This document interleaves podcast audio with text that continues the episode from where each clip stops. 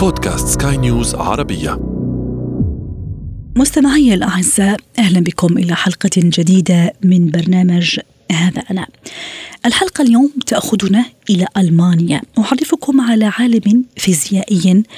هذا العالم اخترع شيئا يعد من أعظم الاختراعات والاكتشافات التي أحدثت ثورة في عالم الطب هو مكتشف الأشعة السينية التي تعرف بأشعة X-ray أو أشعة روتنجن بل إن شخصيتنا اليوم درست الكثير من خصائص هذه الأشعة وفتحت اكتشافا كبيرا وأفاق كبيرة في مجالي الطب والفيزياء.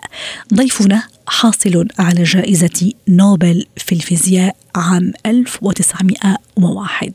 دون إطالة أدعوكم لاكتشاف شخصيتي اليوم. هذا أنا هذا أنا هنا ألمانيا إننا في عام 1845 مضى على بداية فصل الربيع سبعة أيام بمعنى نحن الآن في السابع والعشرين من مارس من عام 1845 تاجر الملابس فريدريك روتنجن وزوجته شارلوت يرزقان بابنهما الوحيد فيلهيلم تمر الأيام ويكبر هذا الطفل ثم ينتقل مع عائلته إلى هولندا حيث يتلقى هناك تعليمه الابتدائي والثانوي. إننا في عام 1862 فيلهيلم في ربيعه السابع عشر. هو الآن يلتحق بمدرسة أوتريخت التقنية. في هذه المدرسة لم يلبث أن طرد منها آه، لأنه رفض الكشف عن هوية زميل له. كان متهم هذا الزميل برسم صورة كاريكاتورية سيئة لأحد معلمي المدرسة. طلب من فيلهم التعاون مع إدارة المدرسة للكشف عن هوية هذا الذي رسم الصورة لكنه رفض التعاون فما كان منه إلا أن وجد نفسه خارج أسوار هذه المدرسة التقنية في عام 1865 حاول الشاب فيلهم الالتحاق بمدارس هولندا وجامعاتها حتى أنه حاول الالتحاق بجامعة أوتريخت وقال بأنني سأتنازل عن حقي في الحصول على الشهادة كبقية زملائي لكنه يبدو أنه عبثا كان يفعل لم يستجب لطلبه. سريعا يغادر فيلهم إلى سويسرا ثم يلتحق بالمعهد الفيدرالي السويسري في مدينة زيورخ. يجتاز الامتحانات بنجاح ويبدأ بدراسة الهندسة الميكانيكية. تخرج من هذا المعهد الفيدرالي عام 1868 ثم التحق بجامعة زيورخ التي توجته بدرجة الدكتوراه في الفيزياء عام 1869 إننا في شهر نوفمبر من عام 1895 أورتنجن على موعد الآن مع صدفة قادته إلى أعظم الاكتشافات.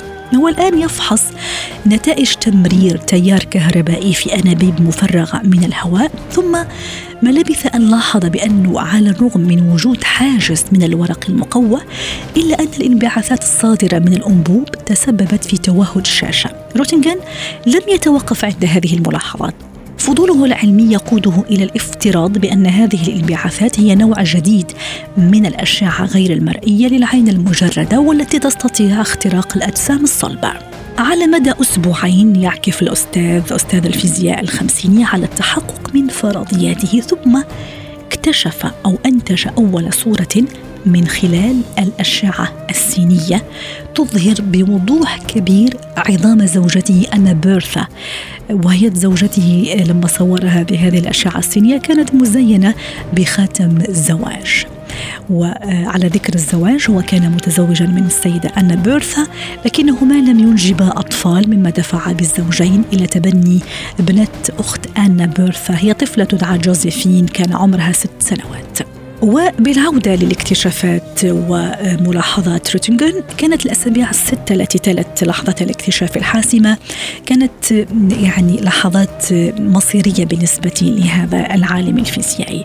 كرس كل وقته لاكتشاف خصائص الأشعة الجديدة. ثم ما لبث وأن أعلن هذا الاكتشاف للعالم وتهافت عليه العلماء والأطباء. وتهافتوا على تجربة هذا الاكتشاف الجديد وقالوا بأنها أشعة سحرية في الحقيقة. تخترق الأجسام الصلبة آه، بكل بكل بساطة. ثم حصد أيضا جوائز كثيرة عام 1897 وكرم أيضا من جامعة كولومبيا وعين أيضا في كرسي الفيزياء في جامعة ميونخ وكان هذا بناء على طلب من الحكومة البافارية في هذا الوقت.